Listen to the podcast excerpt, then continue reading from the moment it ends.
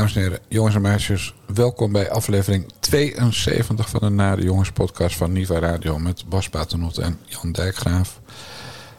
Ja, ondanks dat het reces is, de Tweede Kamer is met vakantie, hebben we een, eh, een volle bak politiek, Bas, in een, ja, ik heb het maar even een randebiele special genoemd. Ja, veel randebielen zie ik eh, in het overzicht. Heel veel randebielen. En Michiel Blijboom. Ja. Zullen we beginnen meteen? Ja. Over mogelijke boerenblokkades tijdens de Vierdaagse Week was Bruls heel duidelijk. Het uh, wijst zich uit bij die protesten dat dat uh, heel erg uh, vergankelijk is en ook onvoorspelbaar. Dus je kunt er nu niks zinnigs over, over, over zeggen, maar uiteraard zullen we het wel in de, ga de gaten houden. Overigens, ik kan u wel aankondigen, er komt geen boer de stad in op die dagen. Hoorde je dan Echt nog? die gehaktbal en de arrogantie. Maar hier, hier, hier sprak hij trouwens echt als burgemeester, hè? niet als voorzitter van het Veiligheidsberaad. Dat klopt. Dus hij deed dus voor het eerst in tijden weer eens... uh, Zijn eigen werk. Zijn eigen werk. Ja,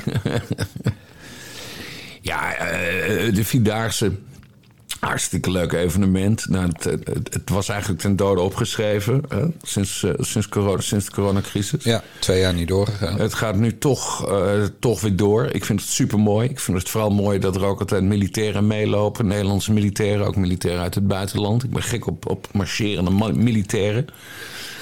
En ja, de, als de boeren dat feestje willen verstoren, nou ja, goed, uh, ga, je, ga je goddelijke gang.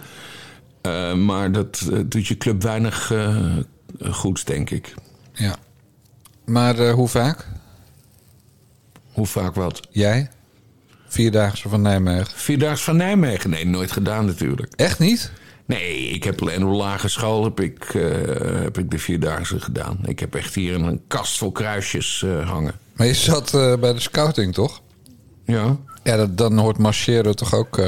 Ja, maar wij, wij marcheerden niet in, in Nijmegen. Ik heb nog nooit meegedaan aan de Vierdaagse in Nijmegen. Ongelooflijk watje. Ja. Hier spreekt iemand met anderhalve Vierdaagse op zijn naam. Waarom maar anderhalve? Nou, de eerste was uh, in 1995. Dat was hmm. destijds de heetste Vierdaagse ooit. Dus later nog overtroffen. was voor het weekblad Panorama. Liep ik samen met Michiel Blijboom, die we later uh, in de uitzending hebben. Ja. En uh, ik was getraind en hij ongetraind. Dus het was uiteraard weer een experiment. En dan keken we wie het, uh, ja, wie, de, wie het het beste doorstond. Nou, dat was hij. Want uh, Michiel Blijmo heeft nog een hekel aan mensen. En die wist, geloof ik, niet van tevoren dat je aankomt op de zogenaamde Via Gladiola. Ja. Waar de bas van de mensen met, je raadt het al, gladiolen in hun klauwen. Dus die heeft echt drieënhalve dag lopen mekker als een kleuter dat het allemaal vreselijk was. En blaren hier en pijn daar en oh, stom dit en stom dat. En die sprinten echt alsof die, uh, uh, ja, alsof die de, de 100 meter liep. Sprinten die die via Gladiola af. Om al die, al die luid Om al die luid te ontlopen. Hij wilde niet toegezongen worden, hij wilde geen gladiolen. Hij wilde gewoon zo snel mogelijk naar huis. En, ja, ja, en ik werd natuurlijk elke dag een klein beetje meer kapot. Ja. Dus, uh, en hij heeft later wel zijn excuses aangeboden. Zo was hij toen nog wel. Ja, oké. Okay. Ja. En de tweede keer werkte ik bij Metro. En uh, ja, dat is een heel lullig verhaal. Maar dat was de tijd dat je nog werkte met een modem met zo'n piepje. Mhm. Mm -hmm. Dus dat ik, ja, ergens 2002 of zo. Geen wifi en dat soort dingen. Dus ik zat in het bekende hotel. Oosterbeek. Mm. Dus het, uh, het hotel van de Bilderberg-conferentie. En uh, ik, uh, ik kwam er s ochtends niet door met mijn modem. En ik moest wel wat stukjes versturen. Dus toen heb ik een blessure voorgewend. Dat meen je niet. Ja. Want wij hadden thuis achter in, in Lemmer, waar ik toen woonde, een, een whirlpool, een hot tub in de tuin. Ja. En ik moest kiezen tussen het gaat niet goed met een stukje. Of Jan gaat lekker met zijn beentjes in de hot tub liggen. Ja, ik ken een Jan Dijkgraaf die daar mensen voor zou hebben ontslagen. Ja, maar ik was zelf hoofdredacteur. Ja, nee, dat snap ja. ik natuurlijk. Maar... Dus anderhalf. Maar goed, weet je, het gaat toch om die ene keer dat je het wel gedaan hebt, voor wat mij betreft. Ja, ja, ja, ja. ja.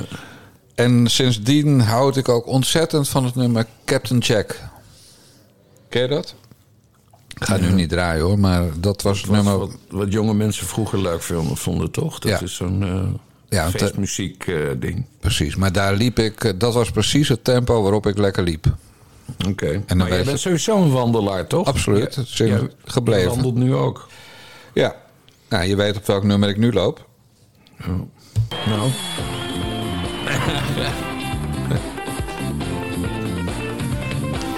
Phil Collins. ja.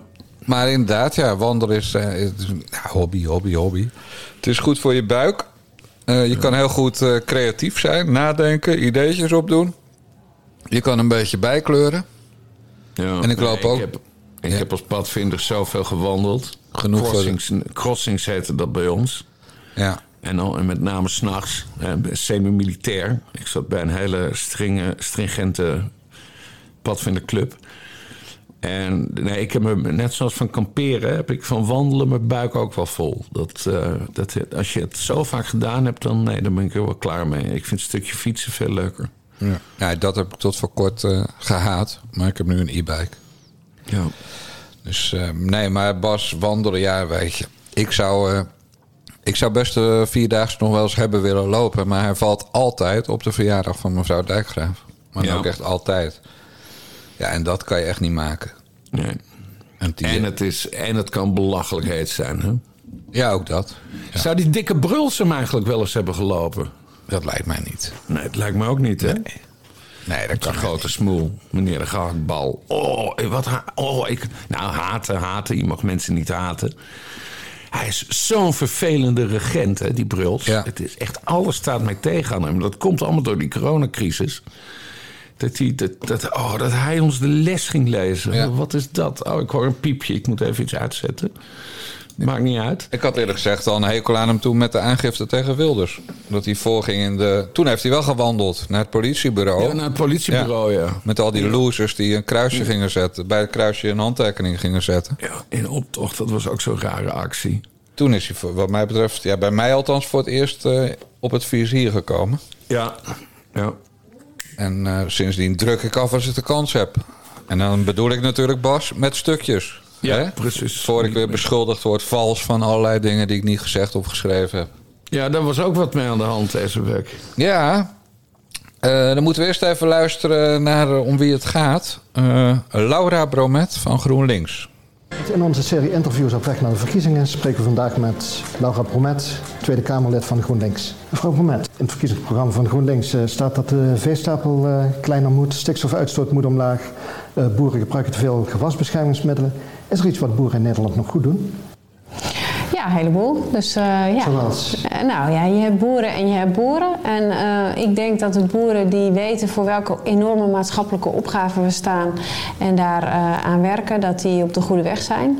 Maar er zijn ook boeren die eh, bepaalde problemen ontkennen. En eh, ja, die moeten toch eh, wakker geschud worden, denk ik. Wakker geschud worden. Ja. Ja, dat, daar is ze goed in. Het is echt de grootste zuignap van, eh, van Twitter, die Laura Bromet. En het is ook de grootste blokker van Twitter. Maar er was dus een akkefietje. Eh, er was een foto verspreid door een raadslid van FVD Forum voor Democratie uit Zoetermeer. Eh, een kerk, een bordje begraafplaats, een zwarte Mercedes met een eh, vlag erop, omgekeerde vlag en een stel klompen. En aan een hekje nog een vlag. En die foto was natuurlijk geanceneerd, hè? Want het was, die, die Mercedes was van een actievoerder. Maar de suggestie moest gewekt worden. Of nou van moest er link worden gelegd met eh, de boeren die op dit moment vanwege de stikstofmaatregelen preventief zelfmoord plegen. Die zijn helemaal klaar met de overheid. ja. Die zijn het zat. En die, Maar die eh, FVD die had toch letterlijk gezegd dat het een begrafenis was? dat schreef hij, ja. En hij wist natuurlijk niet wat. Hij wist eh, misschien wel of misschien niet dat het dat niet was. Maar dat maakt niet uit. Bromet die pakte die foto. En die eh, twitterde iets als eh, gouden tijden voor de vlagindustrie. Nou, en wat dat in mijn ogen is. En daarom eh, werd het ook een relletje waarin ik een klein rolletje speelde. In mijn ogen is dat spotten met mensen die wanhopig zijn door een kutbeleid van deze overheid. En op zijn minst een slecht verkocht en slecht gecommuniceerd beleid. Omdat de boeren er als enige zijn uitgepikt. Nou, daar hebben we het vaak zat over gehad. Maar Bromet, ja, die loopt dus om de, als groot tegenstander van eh, eh, boeren, in de ogen van boeren, loopt dus te zuigen en te spotten met het feit ja, dat sommige boeren het helemaal zat zijn.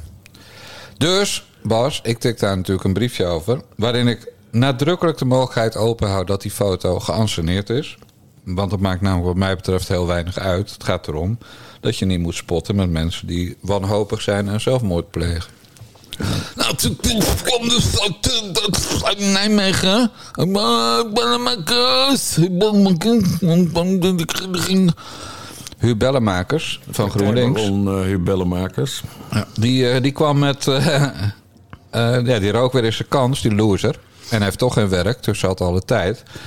En die schreef een tweet met... eh, ik vind eh, Jan Dijkgraaf eh, de meest verachtelijke persoon ter, ter wereld, geloof ik. Dus, Jezus. Ja, en die werd Mooi hoe het ook allemaal weer uit de hand loopt. Die werd natuurlijk geliked door jouw vriend Sander, eh, Sander de Dwerg. de Dwerg, Sander De Schimmelpenning. uitgedaagde graaf zonder schimmelpenning. Precies. Dus ja, en toen kreeg ik... eh, dan denken mensen van... Oh, toen kreeg ik het hele linkse circus over me heen. Ja, dat valt wel mee hoor. Als je je telefoon in je hand hebt... en je bent gewoon lekker in de tuin aan het werk... dan voel je daar helemaal niks van. Oh, ik ben zo blij dat ik dit allemaal gemist heb, want ik ben een werkvrij mens. Dat moeten we even weten. Ja. Gelukkig maak je voor de mensen... van petje.af naar de jongens een uitzondering. Ja, dat wel natuurlijk. En Dat voor Bassie Hof. Ja. Nee, ik ben gek op Laura Bromet. Het is een van de weinige GroenLinksers met humor. Bas, dat wijven zo En gek als een en dan heb ik het niet over deze sp- specifieke opmerking. Maar het is gewoon een leuke, leuke GroenLinks-twitteraarster. En daar heb je er heel weinig van. Omdat GroenLinksers doorgaans extreem zure eikels zijn.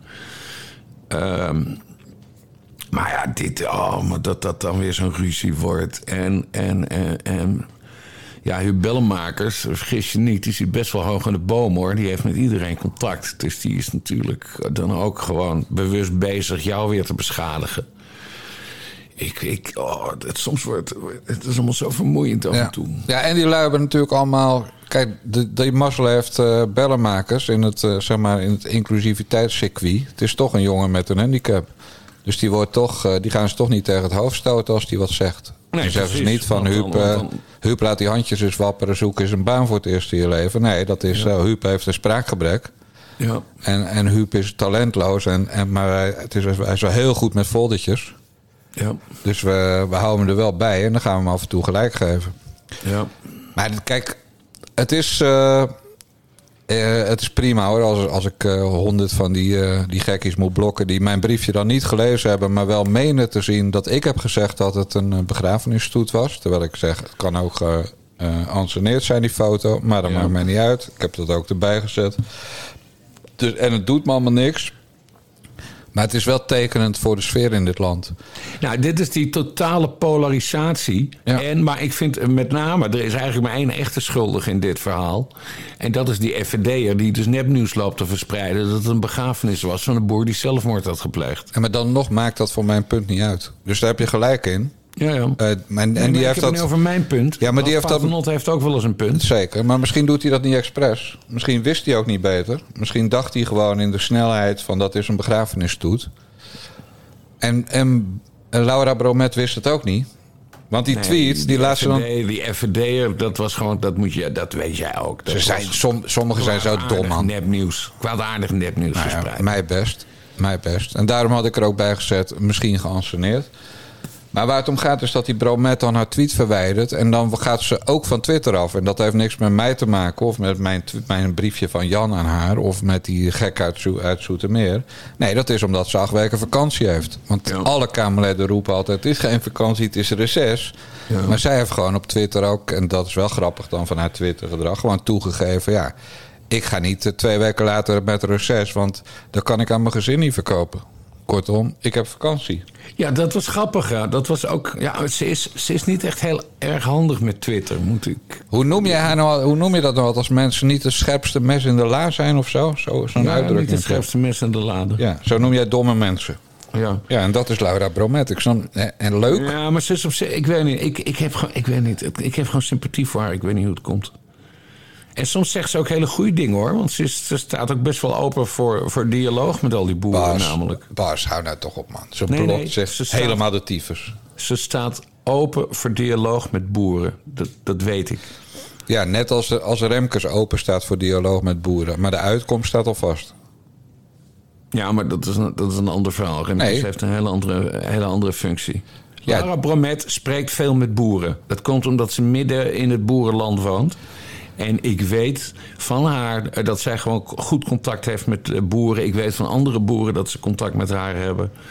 Dat, eh, nee, dat, dat, is, dat is juist een van de weinige dingen die ze goed doet. Maar ik vind haar vooral geestig. Ik moet altijd om haar lachen.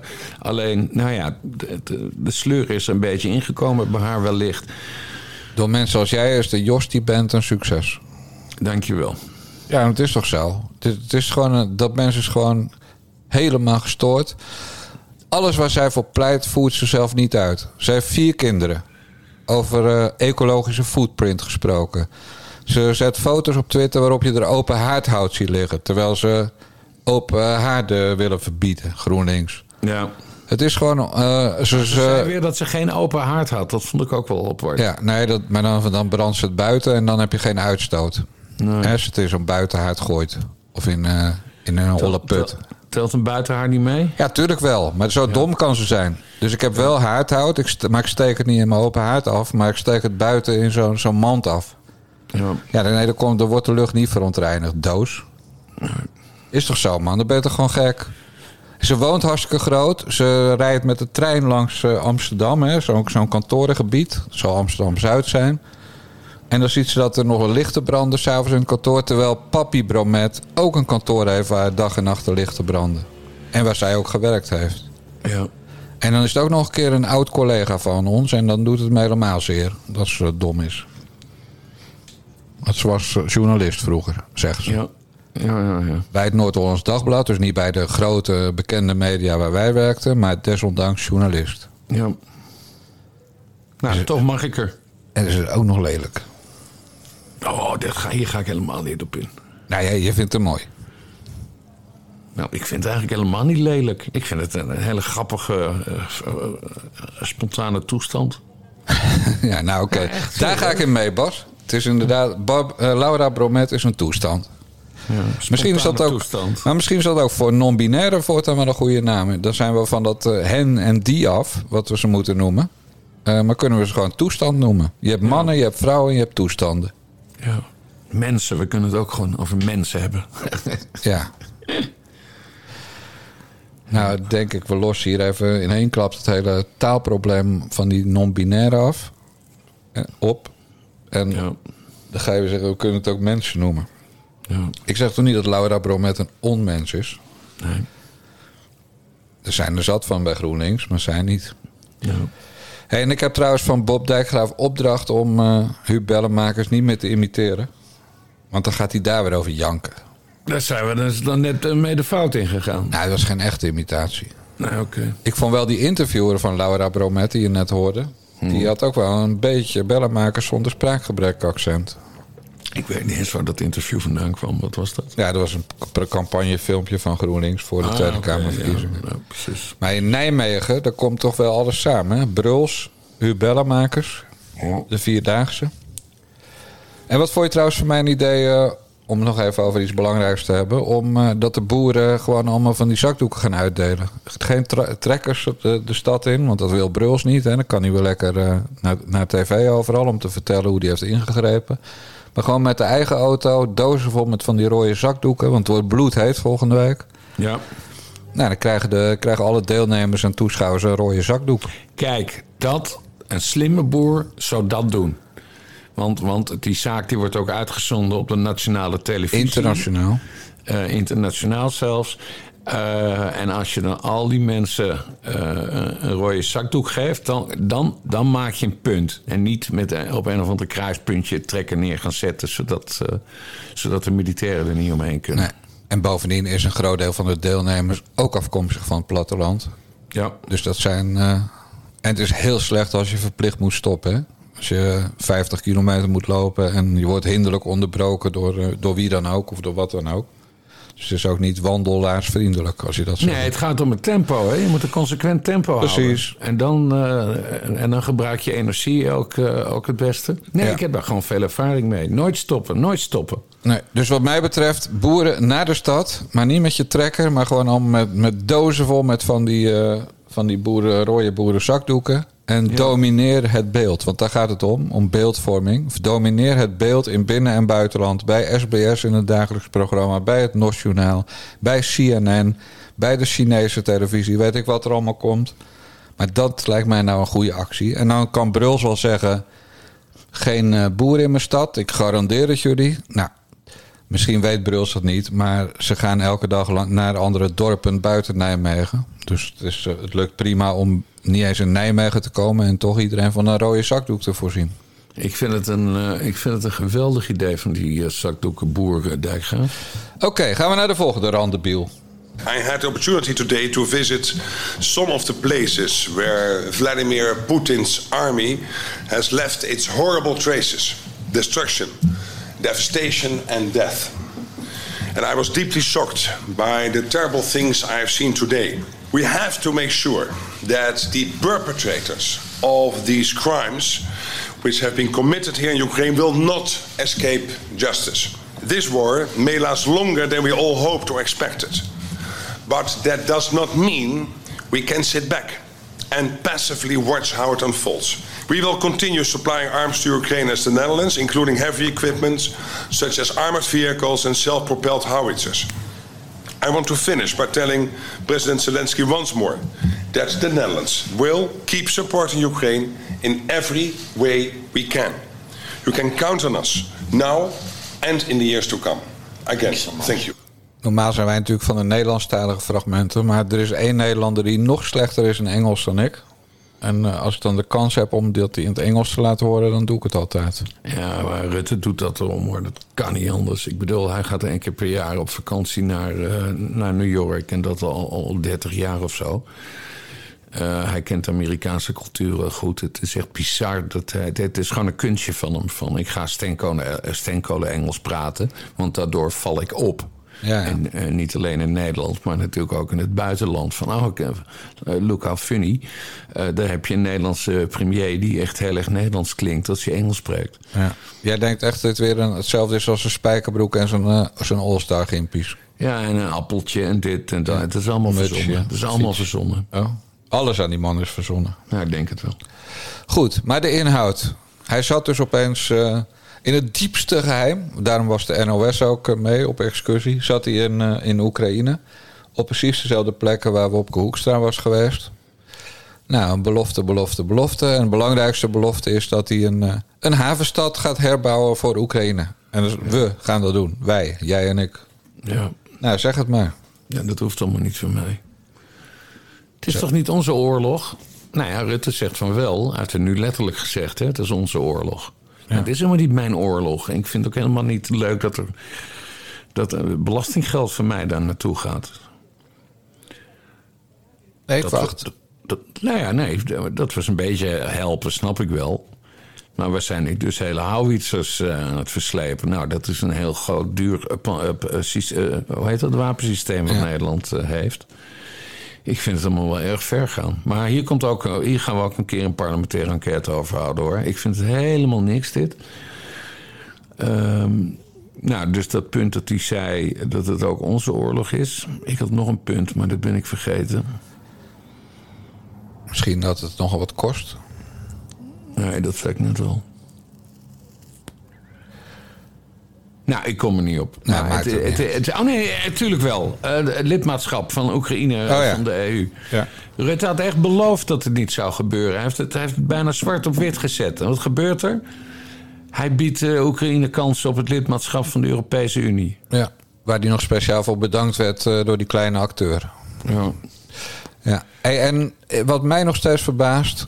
Ik was er niet bij hè, in de Tweede Wereldoorlog. Hmm.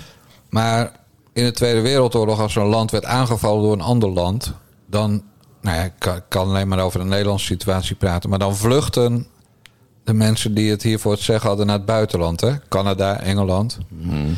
Maar daar is het is een soort uh, ja, lopende bandwerk van, van politici eh, die allemaal op bezoek gaan bij de Zelensky om te vertellen hoezeer we achter hem staan en we vinden dat hij dit en we doen dit en we schenken dat.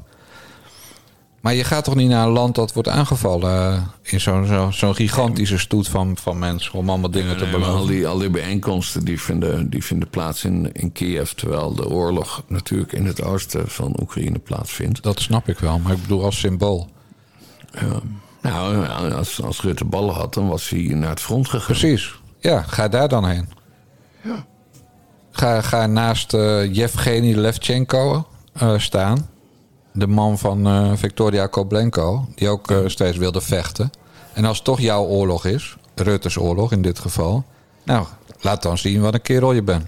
Nou, dan moeten we Wieberen van Haga een- even een puntje geven. Want die zegt dit consequent in debatten over eh, Oekraïne. Hij is zelf oud-militair. eh, de- de- de commando's, geloof ik. Eh, die vraagt Mark Rutte altijd: Bent u bereid te sterven voor Oekraïne? En Mark Rutte geeft dan geen antwoord. Nee. En als het aan jou gevraagd zou worden en aan mij, is volgens mij het antwoord no way. nee, no way, José. Ook niet voor de EU trouwens. Nee. Wel voor Nederland, Ja. ja, ik zat gelijk al te denken. Want Ja. waar zouden we dan wel voor sterven? voor je familie. sterven, bereid zijn te sterven. Ja, voor familie, maar ook als, als eh, stel voor dat Nederland zou worden aangevallen door de Belgen of eh, de Duitsers. Eh, eh, ja, nee, dan zou ik wel bereid zijn daarvoor te sterven. Nou, ik Maar Mark Rutte spreekt het dus helemaal niet eens uit. Die willen gewoon helemaal. Nee. Die, hè, die doet de hele tijd alsof die Wiebe- Wieberen van Haga gek is. Terwijl het gewoon een hele relevante vraag is. Ja. Bent u bereid te sterven voor Oekraïne? Ja, en zo nee, dan is het niet jouw oorlog. Nee, precies. Of- en daarom geeft Mark Rutte er geen antwoord op. Nee, of ben je een watje. Ja. Of een egoïst. Whatever. Maar ja, ik zou dus voor Nederland eerlijk gezegd ook niet meer bereid zijn te sterven. Terwijl in de tijd dat ik had moeten opkomen voor mijn dienstplicht, misschien wel. Oh nee, ik ben daar wel toe bereid hoor. Alleen, ja, Jezus, eh, we zijn nu mannen van eh, middelbare leeftijd. Nou, het is ook het is in elk geval mijn land niet meer. In een, eh, in een, in een strijd kan ik sowieso weinig betekenen met, met mijn mijn slappe enkeltje en mijn brilletje. Maar in de basis ja, zou ik daar wel toe bereid zijn hoor. Nee, ik echt never niet. Nee hoor. Ik zou niet. Nee, want de- wat is nou de vijand? Tuurlijk is Poetin een potentiële vijand. Maar ik beschouw eh, de EU ook als een vijand. Ik heb helemaal Ja. niks met de EU. Nee. Integendeel, ik haat de EU. Ik ben voor een EU die zorgt voor, zoals ik het heb geleerd, economische samenwerking en nooit meer oorlog. En wat is de EU op dit moment aan het doen? Oorlogje aan het voeren. En maar aan het zuigen. En maar Poetin aan het zuigen en provoceren. Alles aan het overnemen, over, overal. Precies. In elke lidstaat. Ja. Nee, de, heet dat? de ERG was dat hè? Ja, de EG was ook nog goed. Maar toen het EU werd, toen is het helemaal uit de hand gelopen. Nou, en Ja. het eerste referendum had je al, eh, had iedereen het wel kunnen weten. Ja. Dit is gewoon de, op weg naar de Verenigde Staten van Europa. En voor, Oh, en die, en die volgevreten Timmer Frans. nou, die is ook niet bereid te sterven voor wat dan ook hoor. Nee. Nog niet eens voor zijn kinderen. Nou, we kunnen wel een tank met hem tegenhouden. Rol hem gewoon richting de tanks. Ja, op zich sowieso wel een goed idee hoor. Want eh, die man is eh, morbide obese. Ja. En ik heb een hekel aan mensen die morbide obese zijn. Dat vind ik eigenlijk randebielen. Als je zoveel risico durft te lopen in deze tijd van corona. ja. En voor de FVD-stemmers onder onze luisteraars... voor mensen met een griepje. Bas, ik wil eigenlijk naar de volgende randebiel. Iemand op wie wie jij op, in Bassiof al bent losgegaan. Maar ja, niet iedereen leest dat. Dus we gaan even luisteren naar invallend Kamervoorzitter... Paul van Menen van, je raadt het al, D66. Het is duidelijk dat u, eh, u als persoon niet erg ingenomen bent met de manier waarop ik eh, debatten aanvlieg en het taalgebruik dat ik bezig. Eh, ik had eerlijk gezegd niet verwacht dat als ik zou zeggen enge ministerploeg in het kader van zo'n vergaande wet, dat u me daarop zou afhameren. Dat was niet mijn intentie. Ik zou het zonde vinden om nu mij het woord te laten opnemen omdat ik heb gezegd enge ministerploeg. Maar mag ik er dan van maken eh, want helemaal terugnemen is natuurlijk ook weer heel ver. Dat ik een ministerploeg die dit soort noodwetten wil activeren eng vind.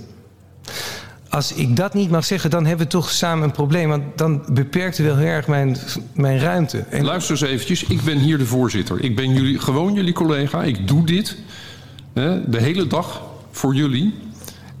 De orde handhaven, dat is wat ik doe. Niets meer en niets minder. Heeft niets met u, meneer Marcus, te maken. Alleen de een gebruikt steviger woorden dan de ander. Er is een grens aan. En die grens ligt bij mij met de Misschien kwalificatie. Met de kwalificatie. Nee, ik ga helemaal de minister helemaal niks vragen. Ik heb u allemaal helemaal niet nodig om de orde te handhaven. Dat kan ik gewoon zelf doen. Artikel 8.17. Gaat u het allemaal maar even nalezen. Bij B. Als er belediging plaatsvindt, dan kan ik u het woord ontnemen. Dat wil ik nu gaan doen, tenzij u het terugneemt. En dan kunt u allerlei zinsconstructies, maar zolang dat woord eng daarin staat, is, zijn dit uw laatste woorden op het, s- op het eh, spreekgestoelte. Ja, ik ben nu nog steeds in gesprek. U mag straks. Dus verzint u maar iets anders. Maar met eng gaan we niet verder.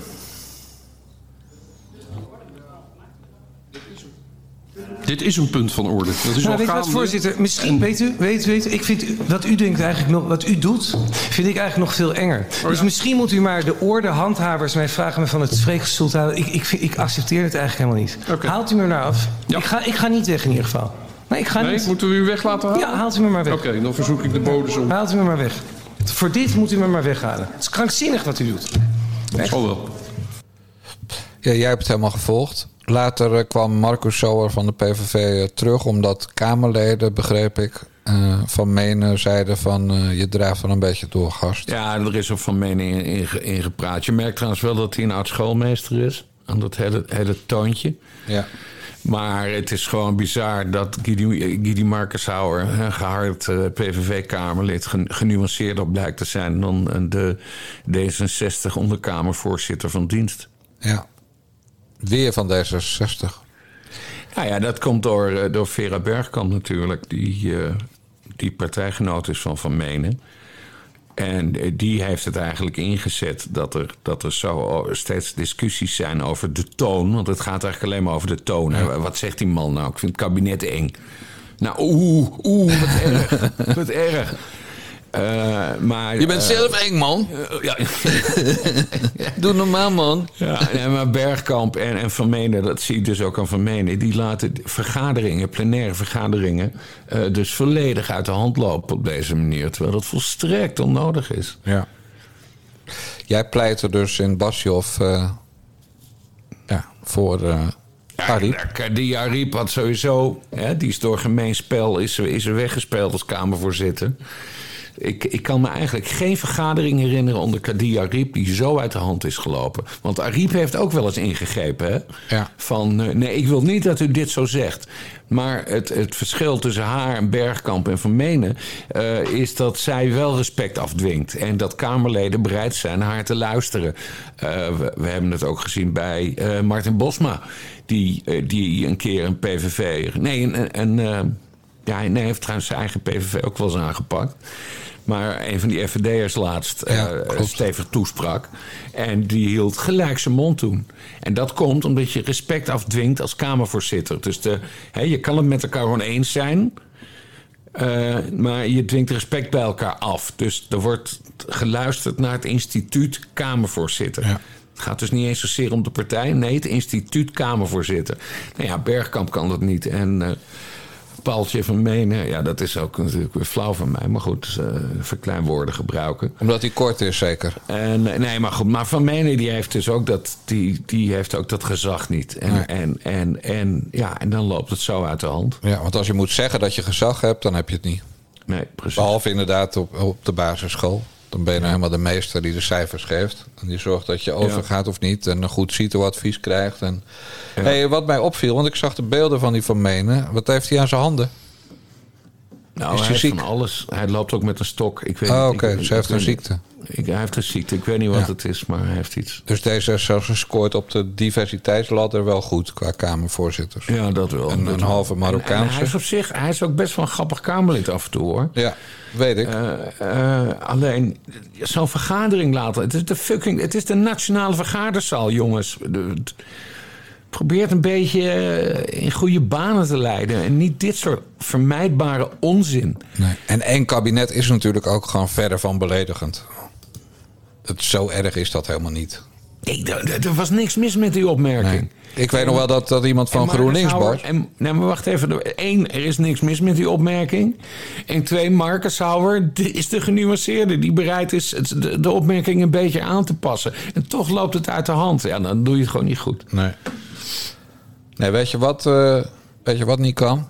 Als mensen zeggen dat je de meest verachtelijke persoon bent die ze kennen. Dus ze kennen Hitler. Ze kennen Stalin. En ze kennen dan, denken ze, jou. En dan zeggen ze dat jij de meest verachtelijke persoon bent die ze kennen. Terwijl dat natuurlijk Sigrid Kaag is. Ja, dat gebeurt ook de hele tijd. Ja. Ja, toch?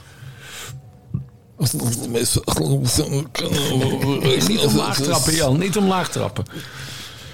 Ja, precies. Retweet uh, Sander Sch- Schimmelpenning. Ja. Maar snap jij trouwens, even, ik, ik, ja, ik heb ook wel zin om een beetje te zeiken. Snap jij waarom ze allemaal zo boos op mij zijn? Want ik ben toch, net als jij, de nuance zelf. Nou ja, da- dat is waar we het net over hadden. Dat is die algehele polarisatie. En Jan Dijkgraaf, dat is gewoon een eh, extreemrechtse kale klootzak. Zo word jij neergezet. Terwijl, nou, hoeveel briefjes hebben we geschreven? Hoeveel, hoeveel jaar 1, doen we? eh 1 oktober 2014 ben ik begonnen, dus bijna acht jaar. Eh, ja, ruim 2500 ongeveer. Meer, ja. Nou, daar zitten extreem veel genuanceerde Ja. pistels tussen. Eh, vaak verkapte pleidooien voor de sociaaldemocratie. Omdat jij een inherente PvdA bent. Precies. Maar dat interesseert de mensen allemaal geen flikker. Nee, Jan Dijkgraaf, extreem rechts. Ja. Bam. En Ja. klaar. En zo, Dat- en, en zo gaan ze elkaar begooien op dat Twitter. Maar ik, ben, ik heb dus al een, al een paar dagen geen Twitter gekeken... omdat ik dus vakantie heb. Bevalt dat? Ja, dat bevalt dus heel erg. Ja. Misschien moet ik ook gewoon stoppen met Twitter. Ja, want ik heb ook niemand gezien die jou in je, in je Twitter-stille periode eh, fractievoorzitter van D66 heeft genoemd. Niemand. Nee, maar dat is echt... Oh man, dat is echt het algoritme. Dat is echt het algoritme. Ik snap ook niet hoe het komt. Ja, ik heb meer volgers dan mijn eigen neefje. Maar op een bepaalde manier komen ze bij mij terecht. Terwijl het is echt, er zit een groot verschil tussen, tussen de, de B en de J. Het is een Bas en een Jan. Wat zullen we nou krijgen? Ja. Het, nee, het is het algoritme. Ik, eh, ik heb daar wel eens iemand om gevraagd, maar die weet ook niet hoe het precies zit. Maar er zit een te- technisch probleem achter. Dat mensen op een gekke manier bij mij terechtkomen als het over D66 onderwerpen gaat. Ja. ja, of D66 geeft van die, die miljoen van die eh, IT-artiesten, die ondernemer, eh, ja, gewoon iets gekocht bij Facebook en Twitter.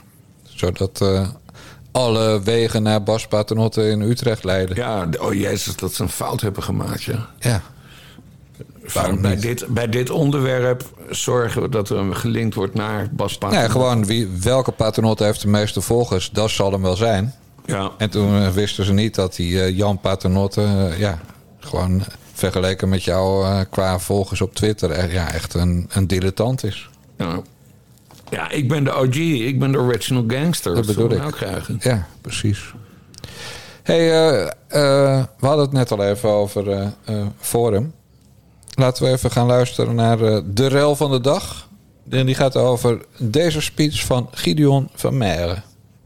Wat ook wel van belang is om ons even te realiseren, is dat het ook niet altijd gezond is in een democratie als er een taboe rust op het gebruik van geweld.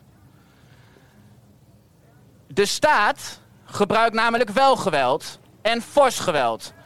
En als het nodig is, als u dadelijk onteigend dreigt te worden en u weigert, reken maar dat er onderaan de streep busjes aankomen met mannen met knuppels en helmen en dus ze slaan u wel van het terrein af.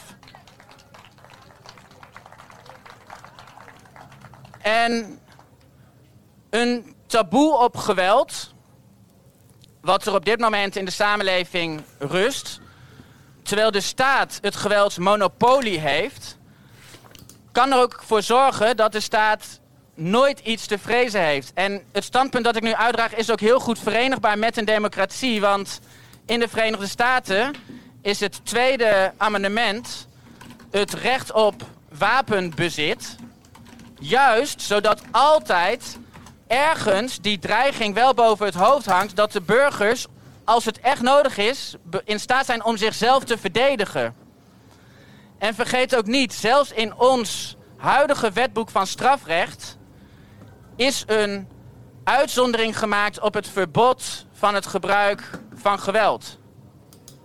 Artikel 41 van het wetboek van strafrecht bepaalt dat het is toegestaan om geweld te gebruiken als dat noodzakelijk is om je eigen of andermans lijf, eerbaarheid of goed te beschermen tegen een wederrechtelijke aanranding. Dat mogen we nooit vergeten. En ik denk ook dat het belangrijk is om die strijdlustigheid wel te laten zien, die strijdbaarheid. Want uiteindelijk kan en mag het nooit zo zijn dat de boeren zich als makkelammetjes van hun grond gaan laten verdrijven. Ja, zeg het maar. Wat, wat, eh, wat, wat is jouw conclusie als je dit hoort? Is dit opruiming? Ja, dit gaat, dit gaat ook over die Gundogan. hè. Die, die, die wil hier aangifte tegen doen, meen ik. Ja, Van wil vandaag aangifte doen en roept andere Kamerleden op om ook aangifte tegen Van Meijeren te doen. Ja, wat is dat nou weer voor waanzin dat er nu Kamerleden die aangifte tegen elkaar gaan doen? Dat, is, dat slaat ook nergens op. Nee, die- die van Meijer is niet dom. Ik bedoel, hij is, hij is wetgevingsjurist geweest van Kajsa Longeren op het ministerie van Binnenlandse Zaken. Eh, hij is eh, wetgevingsjurist geweest eh, bij de Tweede Kamer zelf.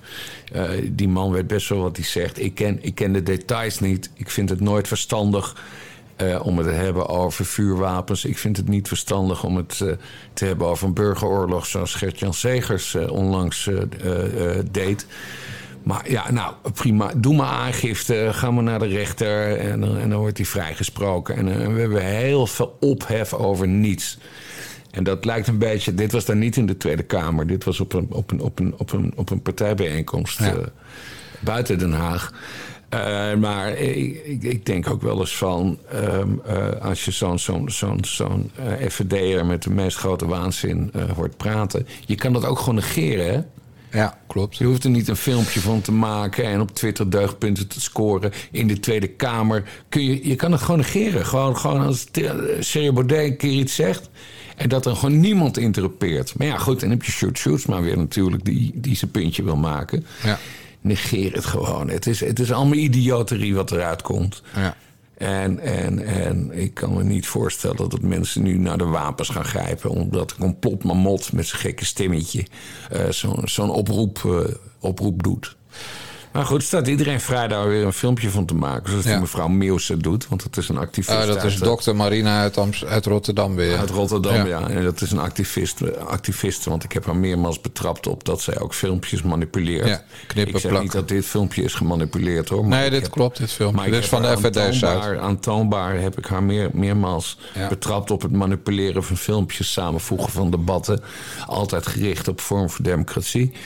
Eh, nou ja, het, eh, het, het zal wel eh, laat duizend aangiften bloeien, maar er, er komt helemaal niks uit, vermoed ik. Nee, ik zit er, zit er iets anders in. Oh? Nou, ik vind, ik vind dit een dit opruiming. Want hij zegt wel van de boeren moeten zich niet als makke schapen laten wegsturen. Kijk, het hele betoog van hem, en, en dus juist goed dat hij wetgevingsjurist is geweest, dat betekent ook dat hij beter weet. Hij is niet dom. Hij weet dus dat het zwakke punt in zijn betoog zit in de woorden wederrechtelijke aanranding. Eh, op het moment dat in Amerika, waar je dus wel wapens mag hebben, inderdaad, eh, grond, grondrecht is dat, om wapens te bezitten om jezelf te verdedigen. Maar in Amerika kan je ook onteigend worden. En als je onteigend wordt, dan is er geen sprake van wederrechtelijke aanranding, maar juist gebeurt dat met instemming van een rechter. Er, er- niemand wordt onteigend zonder dat een rechter zegt: U bent helaas uw grond kwijt en dit is de vergoeding daarvoor. Dus hij wekt de suggestie eh, dat het een wederrechtelijke aanranding is en dat je daarom geweld mag gebruiken, maar het is geen wederrechtelijke aanranding. Maar dat is, dat is natuurlijk ingewikkeld. Maar door die suggestie te doen dat, eh, dat, dat onteigening wederrechtelijk is, eh, ja, geef je dus inderdaad mensen van, eh, het signaal van, nou ga je maar Heel veel boeren hebben trouwens een wapen, hè? Al was het maar om de ganzen dood te schieten. Maar ze hebben niet allemaal een vergunning daarvoor. Maar ga maar lekker de ambtenaren die, die jou uiteindelijk uit je boerderij komen halen.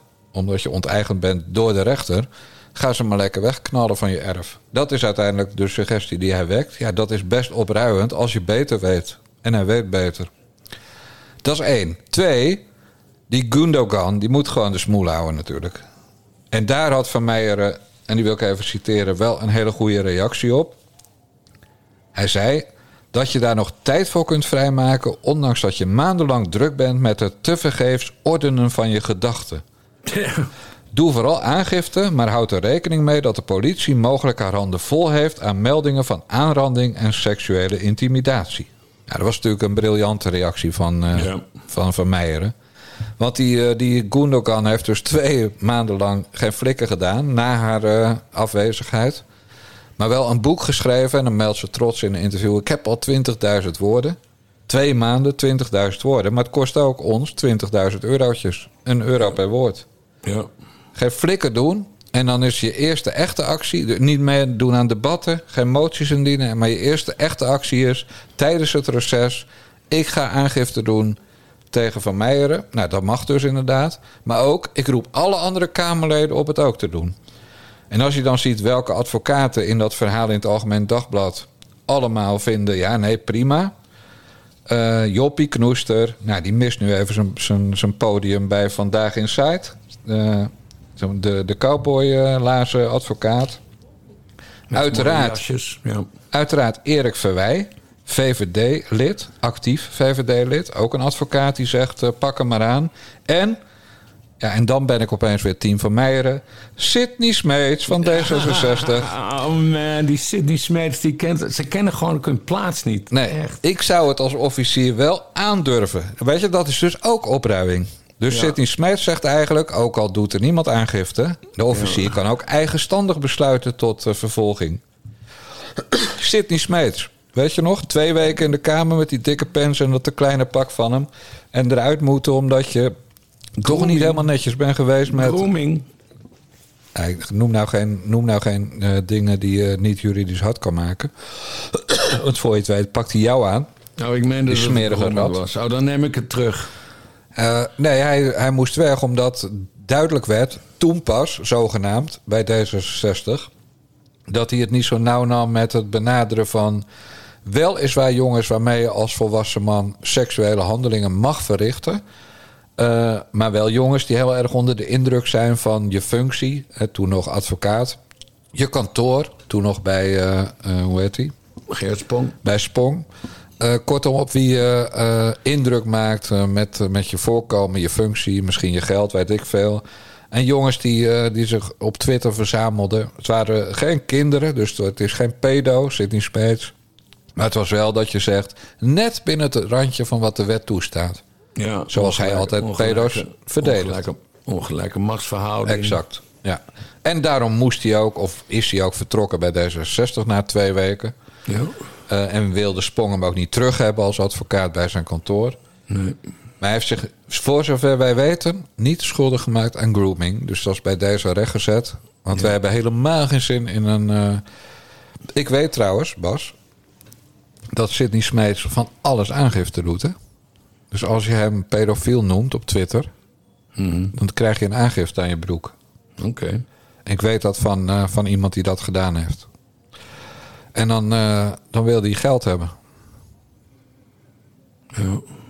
Dus het, het is best armoedig als je als advocaat. Ja. Dus dat zijn dan gewoon onbekende mensen op Twitter. Vaak onder pseudoniem. Dan gaat hij aangifte doen. Dan worden die mensen gebeld door de politie. Kom eens even langs. En dan wil hij geld hebben. Ja, ik durf nu helemaal niks meer te zeggen. Zo, zo goedkoop is dat. Als je gewoon een gerenommeerde, zelf benoemd, gerenommeerde advocaat bent. Hè? Hij heeft weer een eigen kantoor nu, Smeets Lol.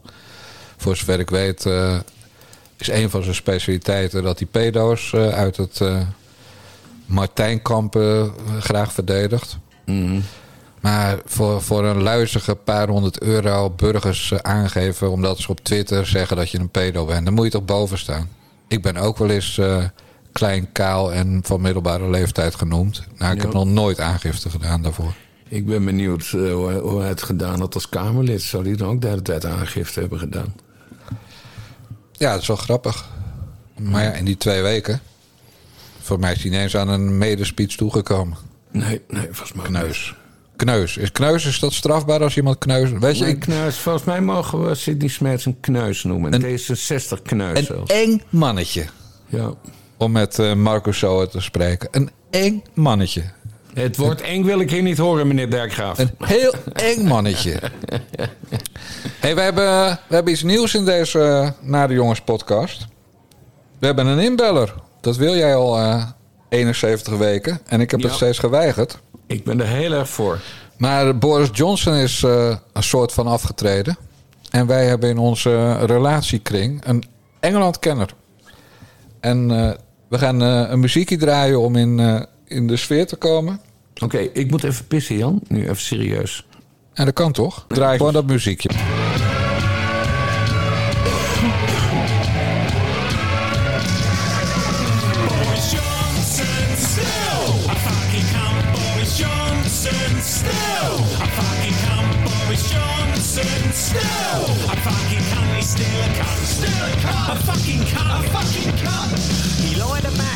His Brexit. He lied on the side of a bus. He lied to his wife. He lied to the Queen. He lies to all of us.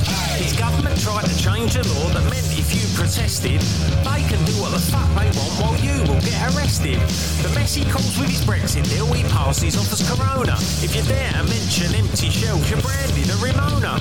The decorating bill for flat was paid by Tory donors. He doesn't know how many kids he's got. He can't control his boner. Boris Johnson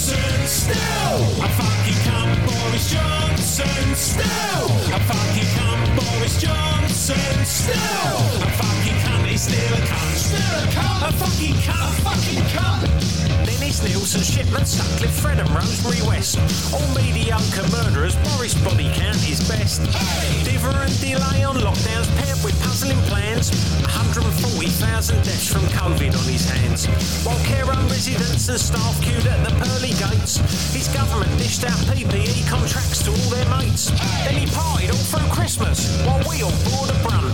Life and lockdown, Boris Johnson's still a fucking cunt. Boris Johnson still a fucking cunt. Boris Johnson still a fucking cunt. Boris Johnson still a fucking cunt. He's still a cunt. Still a cunt. A fucking cunt. A fucking cunt. He's still a cunt. Still a cunt. He's still a cunt. Still a cunt. He's still a cunt. Still a cunt. Still a cunt. Boris Johnson still a fucking cunt.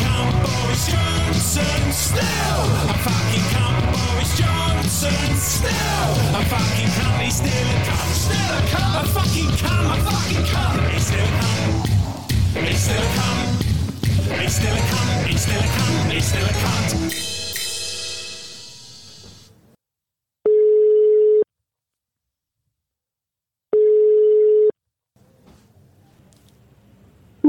hallo? Blijboom. Tijd geleden, man. Wie is dit? Sorry. Ja, Jan Dijkgraaf. Ik oh, sorry, ik En Bas ik lag Paternotte. slapen en ik neem zo'n teringherrie hier. Ik, ik weet niet wat het was. Boris Johnson is een fucking kant. Ah.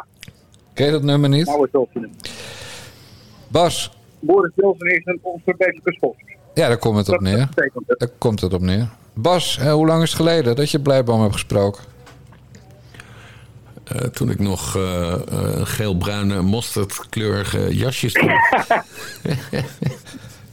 En dan hebben we het over vorige eeuw? Nee, toen... eh, Eind vorige eeuw. Eind, ja, nee, ja, nee, toen je naar HP de Tijd ging, toen heb je Blijboom met mij meegenomen. En toen hebben we een keer vergaderd in eh Davin in, in Amsterdam. Ah, dus dat is 2008 geweest. 2008, 2009. Oh ja. En toen had jij een, een leuk speeltje ineens. In Twitter. Liet je me zien. Wie, Bas of ik? Ja, nee, Bas. Ja, hij, Ba- hij had het toestel met, met zo'n met zo'n plastic pennetje zat te tikken. Toen was ik was. Ja, dit is Twitter, is de toekomst. Ja, nee, precies. Ja, toen Bleek ook, we. bleek ook Ja. waar. Blijboom, maar we Ik dacht dat het bellen... een tijdelijk speeltje zou zijn. Maar... Ja, dat dachten wel meer mensen. Maar die hebben, die hebben Twitter niet overleefd. En Twitter hen wel. Hey Blijboom, we bellen jou natuurlijk omdat eh, jij Engeland-expert bent en Boris Johnson Ja. is weg. Hoe moeten we dat, eh, dat duiden? Oei, oei, oei, oei, ja. Hoe moeten we dat duiden? We zouden we het niet over mijn boek hebben? Want ik, ik heb nu een fax en, en, en volgens mij was dat de bedoeling. Wat is het nou voor, wat is het nou voor Peter R. de Vries gedrag? Ja, ik, ik heb hier die fax en nee, maar zo gaan we dat doen, toch? hey Bas, Bas wij, gaan, wij gaan niet de URL noemen van, eh, van het boek van hem. Als hij het zelf Ja. vergeet, Bas, dan, eh, dan kan hij ook de tering krijgen. Ja. Boris Johnson, een onverbeterlijke stof. nou, dat was Boris Johnson. Met een hele leuke zus. Die zus vind ik wel top. Ehm, nou ja, en stuk of zeven kinderen of zo. Bij hoeveel vrouwen? Eh minimaal vijf, geloof ik. Ja. Punt is eigenlijk meer wat het betekent voor eh, Engeland dat hij is afgetreden. Groot-Brittannië. Ja, Ah, nou ja, Schotland beschouwt het wel als, als premier van Engeland. Maar ja, wat betekent dat? Ja, oeh, oeh. Eh, ik ook geen GBA Hilton man. Je moet nog een beetje groeien in je rol, heb ik het idee. Ja. Godskeleren. Bas, kan jij het even overnemen? Dan ga ik nu even pissen. Ja, eh, vertel anders even, vertel even over dat boek. Is dat een leuke mop of zo? Wat? Nee, nee, gewoon even vertellen over dat boek. Welke periode eh, eh, was het? En waarom was je daar? En in hoe- hoeveel jaar was het, die foto's maken? Eh, periode 2006 tot en met 2019, eind 2019. Mhm. Want daarna kon het eh, eh, een hele tijd niet meer. Vanwege eh, de pandemie. En ja, ik, ik was daar voor diverse bladen en eh, als verslaggever. En ik had op een gegeven moment ook maar een camera meegenomen. Ja. Omdat het, eh, ja, dat niet alle bladen een fotograaf wilden betalen. En, en omdat ik het ook zelf wel leuk vond. En op een gegeven moment had ik een, eh, ja, een digitale vuilniszak vol met foto's. En die besloot ik in de eh, coronatijd te ordenen een beetje. En, eh, en er een boek van te maken. Ja. En dat gaat er nu komen, zoals het eruit ziet. En hoeveel foto's zijn er? Het zijn er ruim 350 Jezus, die dat het is... verhaald, ja. die verhaald hebben. Ja, ja, ja, ja, ja, ja, ja. Wat, wat vind jij zo interessant aan die, eh, aan die Britse cultuur? Dat je dat, dat je dat. Het zijn heel veel straatfoto's, heb ik gezien. Ja, het is, het is, het is smullen. Je, moet, je, je, moet het, je zou het moeten zien. Het is smullen. Ja, nee, maar ver- vertel even voor de luisteraar. Zo, ik ben er weer. wat- Ja. wat- vertel even voor de luisteraar. Wat, wat trekt jou zo aan in die, in die, in die Britten? Het is het heerlijke, schaamteloze, non-conformistische eh, gedrag. Het, het eh, heel basic allemaal. eh. ja, ja, hoe moet ik het zeggen? Eh, het, is, het is wel leuk om er van afstand naar te kijken, laat ik het zo zeggen. Ja, ja. Jongens. slag. Maar voel je, er mee, voel je er ook mee verwant? Of, of zie je het echt meer als observator van een afstand? Nee, als, als ik er ben, voel ik me wel verwant. Maar ik ben ook wel blij dat ik weer terug kan altijd. Ja. Jongens, jongens, dit gaat niet goed, hè? nee, dat is een serieus interview daar. Ja, dat bedoel ik. Zo doen we Michiel dat. Blijboom van Panorama. Een serieus interview. Waar ben je mee bezig? Als je, de- jij doet net, mensen, er zijn nu misschien eh, GroenLinks mensen en zo. En Moet ik, NRC-lezers. moet ik even omhoog houden voor de luisteraars misschien. Nou, beter ja. maar, maar er zijn dus nu GroenLinks-stemmers en, en NRC-lezers die naar ons luisteren. Die denken, goh, leuk, een fotoboek over Engeland. Maar het Ja. is wel een boek dat ze, dat ze echt niet op de salontafel durven te leggen. Want het barst... Het barst Nou echt ja, van, het eh, van, van de... Echt, echt van de hele, hele... Je kan, het, je, kan het ook, je kan het ook onder die tafel leggen als, als die wiebelt. Als, ja, precies als die wiep. Is het zo dun dan? Nee, nee, nee, dat ook niet. Nee, dat zie je wel. Dus dat was weer een foute opmerking. Laat me nou even afmaken, die opsomming. Het zijn echt de meest ordinaire wijven die je in je leven hebt gezien... die we in dat boek zien. De, de mannen in dat boek die zien er echt allemaal uit alsof papi eh, weliswaar zijn kwakkie eh, op de, op de kachel probeerde te spuiten. Maar toch nog één zaadje, zeg maar het sloomse zaadje van het, het, het, het botste mes uit de keukelaar, zou Bas Paternotte zeggen, heeft toch het eitje bereikt. Of ze, zijn, eh, ze zaten klem bij de geboorte. Dat soort mannen staan erin. Het is voetbal in, in de 28e divisie. Het is, het is, Dit is echt eh, het is de het smaak. cirkelpraatje dat ik ooit gehoord heb. Ja, het is de smakeloosheid ten top. En daarbij, Zo zou je, dat, zo zou je het kunnen omschrijven. dat ja. bedoel ik. En daarbij staan de briljante fotobijschriften van Michiel Blijboom. Want als iemand less is more heeft, eh, heeft uitgevonden bij schrijven, dan ben jij het. Geen woord te veel. Geen komma te veel.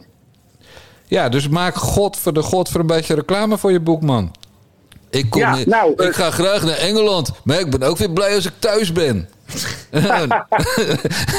Daar gaat toch niemand kopen?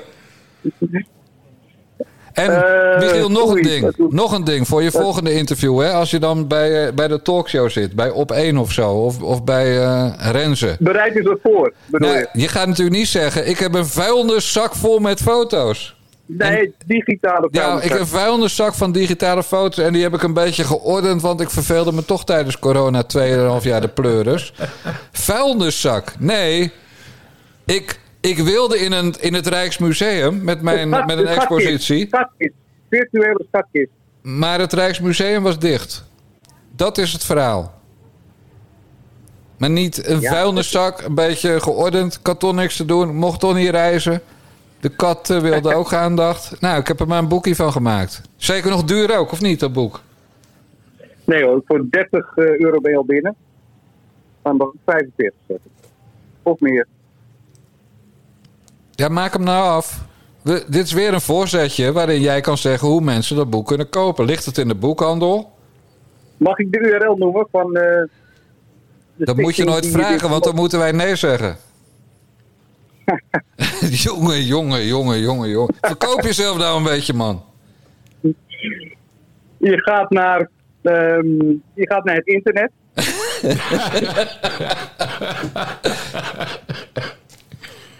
en dat tik je in www.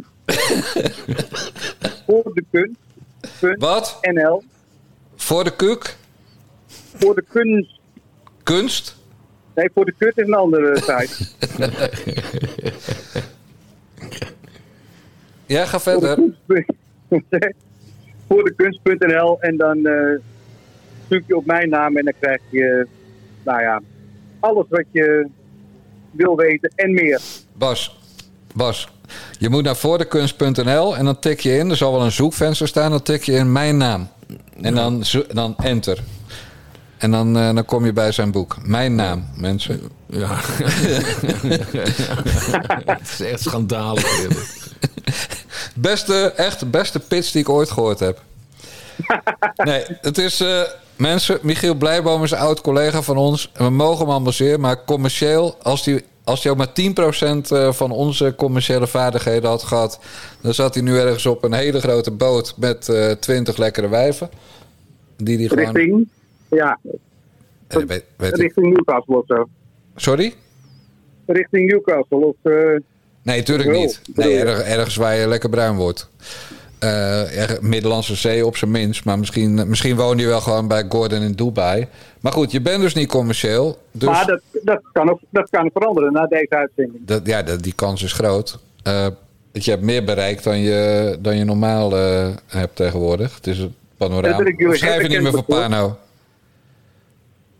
Ben je weg Ik bij Pano? Ja, nou ja.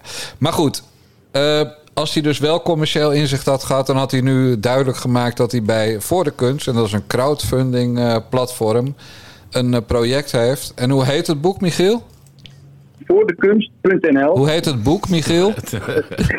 Het boek- ik, was nog niet, ik was nog niet te ver. Ik, ik, een, nam een aanloopje. Ik nam een aanloopje. Dat moet je niet doen. Dit is podcast. Dit heeft tempo nodig. Made, oh, Made in England heet het. Oké, het boek. Me- Michiel heeft dus een fotoboek gemaakt. Maar de foto's, worden, de foto's zijn schitterend. Want ordinairder vind je ze niet. En daar heeft hij briljante bijschriften bij gezet. Want dat, dat, dat is een van zijn vele grote talenten.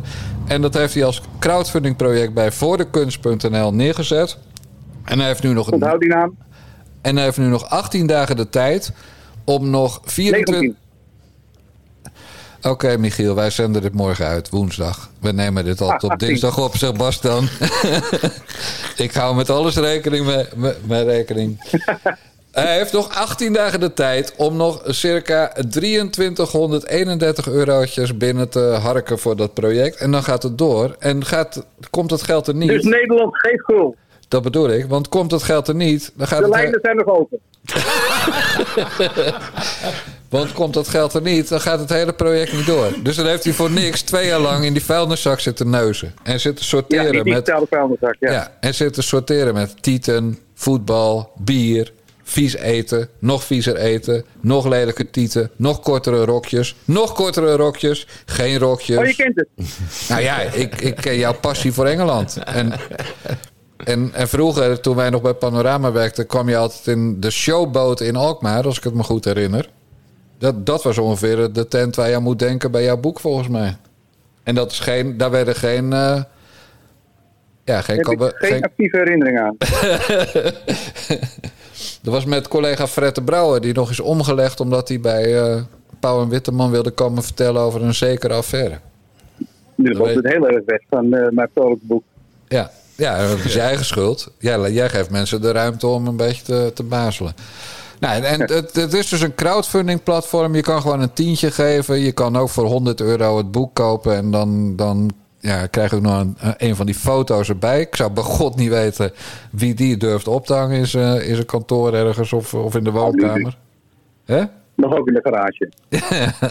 Al gooi ze hem binnen een vuilniszak. Maakt jou geen reet uit. Maar, maar het punt is, 2400 eurotjes binnen 18 dagen na voor de kunst. Michiel Blijboom moet je even opzoeken. Of gewoon Blijboom is ook genoeg. Of, eh, Het mag geen probleem zijn. nee, en ik, ik, ik ken jou ook als een optimistisch man. Dus, dus binnen hoeveel dagen denk je dat het binnen is, die 6000 euro die je nodig hebt? Eh, nou, dat, dat, dat kan binnen, een- binnen een week goed zijn. Ja, want, want begin van deze week was je licht optimistisch, toch? Toen wij elkaar hierover spraken. Eh, ja, klopt. Ik, ik zie het niet meer zitten. Mag Ja, ik bij jullie in de podcast? Zo, zo ging het toch? Ja, maar ik ben nu op de... Nationale podcast. Precies. Ja, doe dan maar een mop, Michiel. Een mop. je stelde jezelf voor net. Godverdomme. ik ben hem kwijt. Ja, je kan het wel een Eh, Sam en Moos dingetje doen. Wij zijn dol op Joodse meisjes. dingetje. Ja. Godverdomme, dit doe ik heel slecht. Dus, ik heb er geen apparaat. Hij klinkt altijd als Holleder, hè, die Blijboom. Is dat zo? Ja, ik vind het heerlijk. Vind je het net Holleder? Ja. Hoezo dan?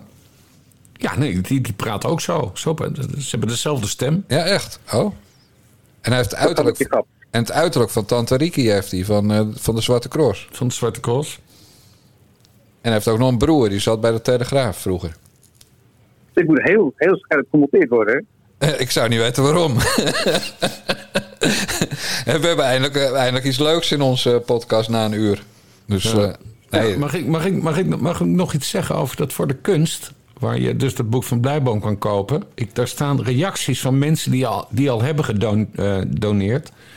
En iemand zegt er iets heel moois. En dat ga ik hier even reciteren. Michiel verstaat de kunst om met zijn ogen te luisteren en met zijn oren te kijken. Heel mooi, wie was dat? Een donateur. Het staat er letterlijk een donateur. Ja, maar het zijn ook bekende namen tussen die donateurs, toch, Michiel? Ja, ja. Noem maar eens wat. Eh, Henk Westbroek Kijk, is heel enthousiast. ja.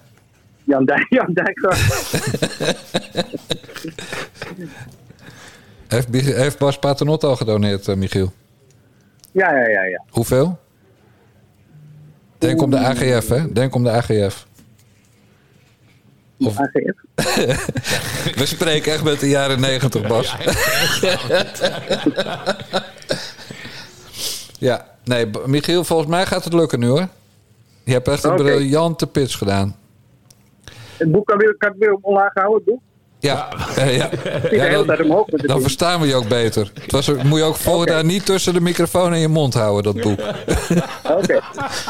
Hey, Michiel, blijf er even bij. Dan gaan wij de, de podcast afsluiten als je het goed vindt. Ja, Bas. Nou ja, oké, prima. Ja, hou je bek dan. Anders moet je wegdrukken. Eh, Bas, ik heb een... eh, Dat is nu genoegen. ja, ons ook.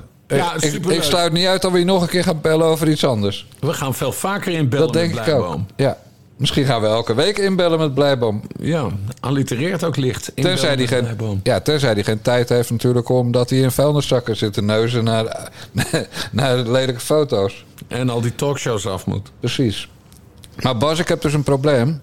Eh, ik eh, zei tegen Pim Dijkgraaf eh, een uur voor wij gingen opnemen... ik ga even drie kwartier met een powernapje de hangmat in. Want Ja. ik had heel hard gewerkt vanaf vier uur vanochtend. Maar ik werd pas om één minuut over vier wakker... en we gingen om vier uur opnemen. En ik ben daardoor niet toegekomen aan de lijst van onze nieuwe donateurs... op petje.af naar de jongens die ik altijd oplees. Oké, Eh, dus dat, dat, hou je, ja, dat hou je dan te goed. dat moeten we inhalen dan. Ja, eh, dat doen we volgende week. Ja. Eh, dus eh, dit. Ja, gewoon niet vandaag. Best wel balen, want het is ons favoriete wandelliedje. En we de cirkel weer rond met de Vierdaagse. Maar dat doen we volgende week. En ja, we gaan dus eh, de zeven, ja, alweer de 72e aflevering van de Na de Jongens podcast van Niva Radio afsluiten. Onze website is nivaradio.nl. Abonneren kan via petje.af slash Na de Jongens. En dan moet je het doen, want dan krijg je wekelijks ook de Bellen met Bassie podcast. En op zondag vanuit de Bassie en Jan Moskee in Utrecht onze ecumenische kerkdienst, de Na de Jongens Friendcast. De mazzel. Doei doei.